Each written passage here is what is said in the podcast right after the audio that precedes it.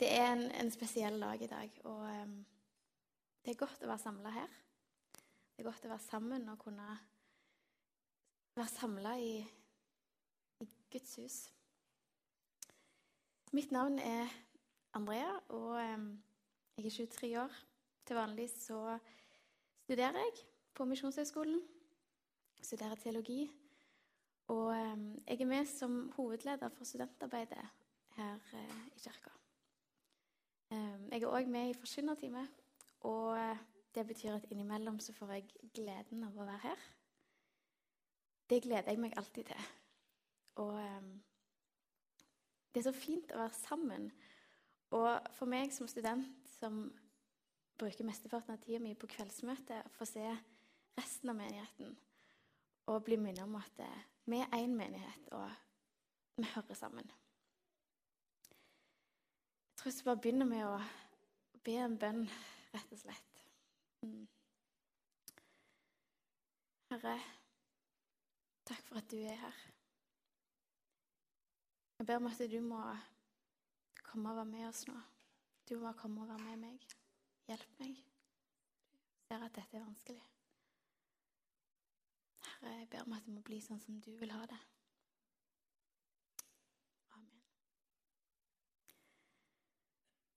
Som det ble nevnt innledningsvis, så har vi i år et tema som går gjennom sommeren. Jeg vil gi deg alt. Ordene som vi kjenner fra den, eh, den kjente sangen. Vi har snudd det litt på hodet, og vi fokuserer på det som Gud har lyst å gi til oss.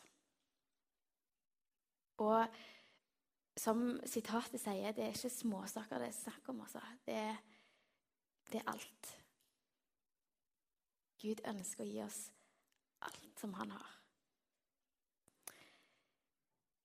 Det jeg skal snakke om nå, det er håp. En tale som jeg forberedte tidligere i uka, før eh, alt skjedde på fredag. En tale som eh, kanskje mer enn før er noe vi trenger. Som kristne så er vi kalt til håp. Og gjennom Jesus så har vi tilgang på et håp som, som overgår alt det som vi kjenner til i denne verden. Jeg skal begynne å lese fra Efeserne 1, 18-19. Det er da Paulus som ber for menigheten. Må Han gi dere lys til hjertets øyne, så dere får innsikt i det håp Han har kalt dere til, hvor rik og herlig Hans erv er for de hellige, og hvor overveldende Hans kraft er hos oss som tror. Vi er altså kalt til håp. Et håp som står i sammenheng med den kraften som reiser Kristus opp fra de døde. Det håpet som vokser ut av innsikten om hva Jesus gjorde for oss. Veien som han åpna til Gud, og det som han ønsker for livene våre. Men hva er egentlig håp? Håp er tilliten som en har til at i en vanskelig situasjon så vil det være et positivt resultat. En opplevelse av at det som jeg ønsker til det beste for denne situasjonen, kommer til å skje. Håp handler om mer enn å bruke positive tanker for å reversere negative tanker. Håpet fungerer på et annet plan. Det er ikke alltid logisk. Og på mange måter så er det både høyere og dypere enn en vår rasjonelle tanke om, om mange situasjoner. Håp gir mennesker styrke til å holde ut når omstendighetene er mørke. Håp gir livsmot når det virker som om framtida er, er tapt borte, ødelagt. Uten håp så gir mennesker opp. Uten håp så, så dør vi. Vi har alle hørt de berømte ordene fra 1. Korinterbrev, kapittel 13, vers 13. Der står det Så blir de stående, disse tre. Tro, håp og kjærlighet. Men størst blant dem er kjærligheten. Og kjærligheten er størst. Men av og til så tror jeg det kan være litt lett å, å glemme at troen og håpet blir stående, de òg. Det kan være lett å glemme hvor fantastisk det håpet vi faktisk har i Jesus, er. Vi kan glemme hva løfter vi som troende får del i. Den tryggheten som vi kan ha. På grunn av Jesu død og oppstandelse så kan vi ha håp uansett omstendigheter. Vi kan ha tillit til at det kommer til å gå bra. Og det kommer ikke til bare å gå bra, men en dag skal vi få lov å være sammen med Jesus. I hans herlighet. Vi skal få lov å bli det som vi var skapt for å være. Men vårt håp handler ikke bare om en perfekt evighet som ligger langt framme. Det handler òg om hver enkelt dag som vi går i møte. Hver enkelt dag som vi kan møte med håp. Fordi Gud har lovt at han vil være med oss. At han vil gi oss kraft. For en skatt som vi går og bærer på. For en måte å å møte tilværelsen på. Vi lever med håp. Og vi lever i en verden som er desperat etter håp. På dette tidspunktet hadde jeg tenkt å ta fram noen eksempler fra rundt om i verden. Over hendelser det siste året hvor, hvor mennesker har fått livene sine totalt snudd på hodet. Hvor livsgrunnlaget er tatt bort. Men på fredag så skjedde det jo noe som, som gjør at vi får eksempler, situasjoner som ligger så mye, mye nærmere.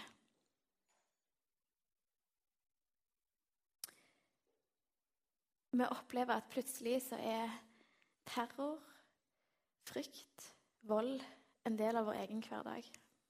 Rett utenfor vår egen dør.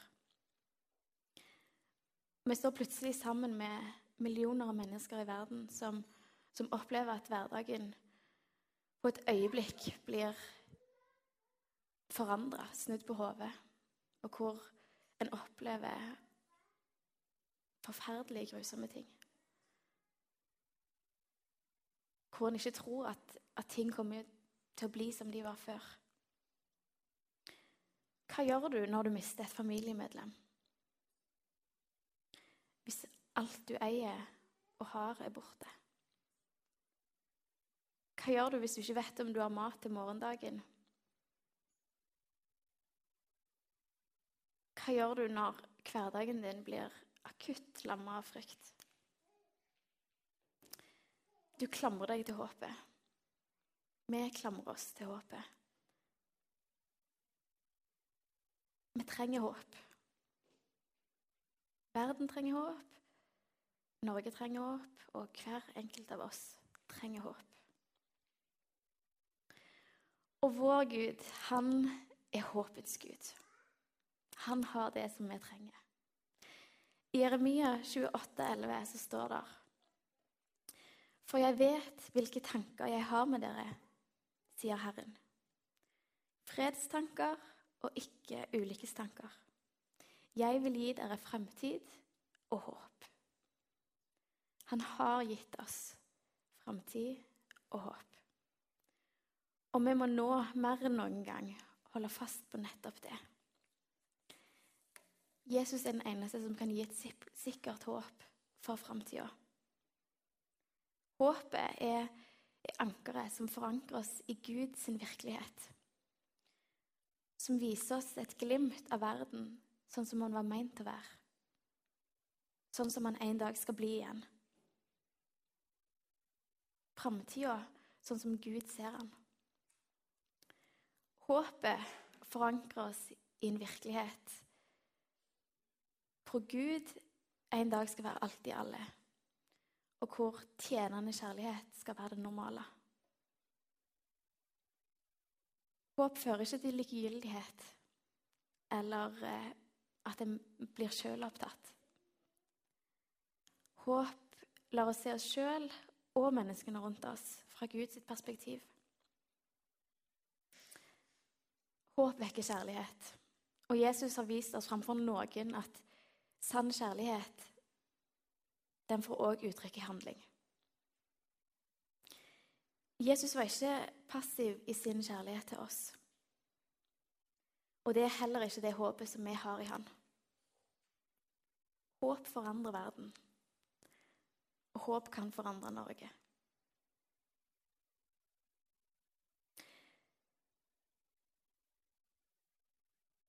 Med fredagens hendelser så jeg etsa på, på netthinnene, så blir det i hvert fall for meg tydelig at mitt håp kommer ikke fra meg sjøl. Jeg blir forferda og utrolig lei meg av å høre om grusomme hendelser som er gjort mot andre uskyldige mennesker. I meg sjøl så, så, blir jeg håpløs. I meg sjøl så føler jeg meg kraftløs. Men jeg tror på en Gud som kan forandre hjerter.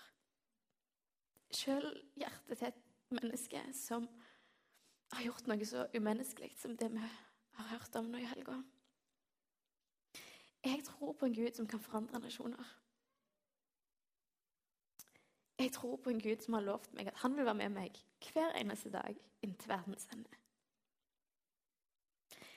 Jeg tror på en Gud som er nær, og som leger de som har et knust hjerte. En Gud som har lovt at som dagen er, vil òg styrken være. Jeg tror på en Gud som kommer med fred og ikke hat. Og det gir meg håp. Det gir meg en framtid. Jeg tror at i disse dager så er det viktigere enn noen gang at vi slutter å se Paulus sin bønn for romermyndigheten, som han skriver i, i Romerbrevet 1513. Må håpets Gud fylle dere med all glede og fred i troen, så dere kan bli rike på håp ved Den hellige ånds kraft. Vi trenger det for dagene som kommer. Vi kan frimodiggjøre denne bønnen til vår egen. Vi kan be om glede, fred og håp ved Den hellige ånds kraft. Vi kan åpne hjertene våre for det som Gud ønsker å gi oss. Vi kan ha tillit til at det som vi bærer med oss, det vil forandre omgivelsene våre. Det vil smitte. Det vil ha en betydning. Vi kan ha tillit til at Gud er større enn våre omstendigheter. Gud vil alltid være større enn våre omstendigheter. Vi kan gripe fast i det håpet som Gud allerede har lagt klart for oss. Vi kan ikke fokusere på alt det vonde som har skjedd. Vi må fokusere på alt det som er godt. Alt det gode som Gud har for oss, og som han ønsker å fylle oss med. Vi har håp fordi den kraften som reiste Jesus opp fra de døde, og som en dag skal sette verden i stand, han bor i oss og virker i oss og blant oss.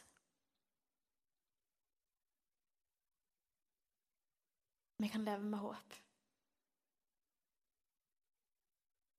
Og vi har en framtid.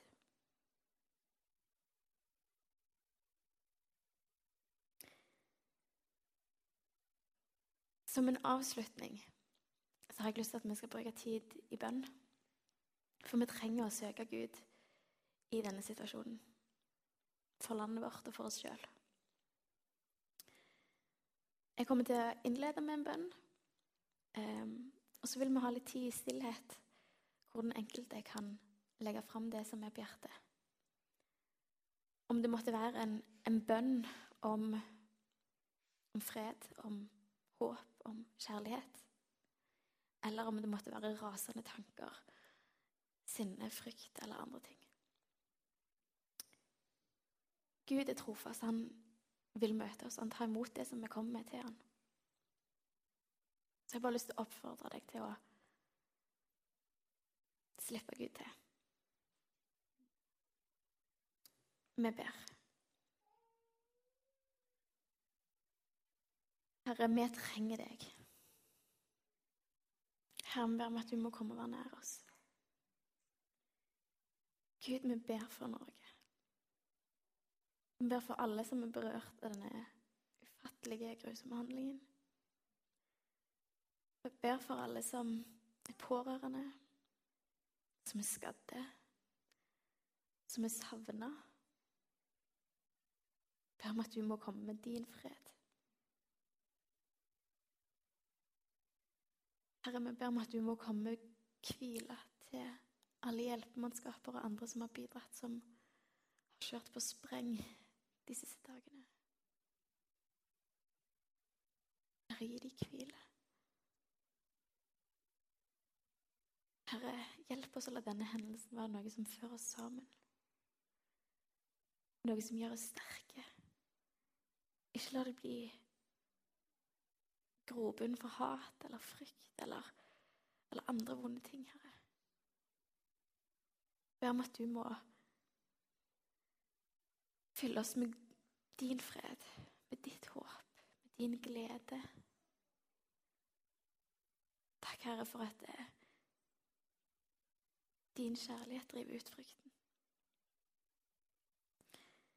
Herre, vi ber for denne mannen som er pågrepet. Gud, må du røre han sånn som bare du kan. Vi ber om at du velsigner han.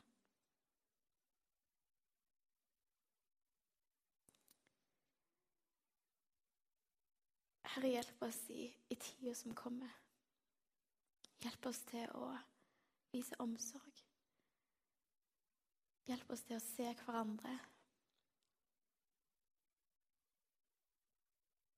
Gi oss kjærlighet for folkene rundt oss. Gi oss dine øyne, Gud, så vi ser det som du ser. Herre, gi oss visdom til å, til forholde oss til menneskene rundt oss på en god måte. Hjelp oss å vise omsorg for. Herre, jeg ber om at du må passe på hjertene våre så vi ikke blir overvelda. Vern om oss.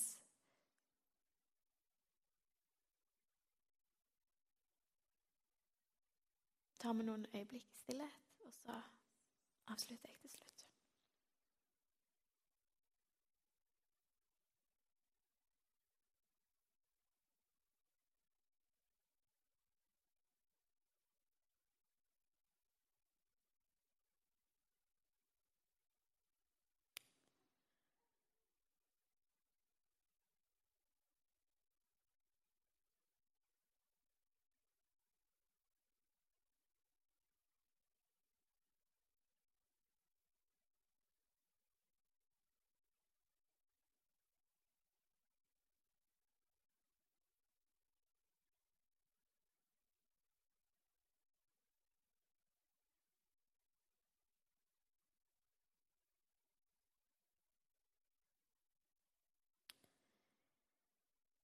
Gud, takk for at du er håpets Gud.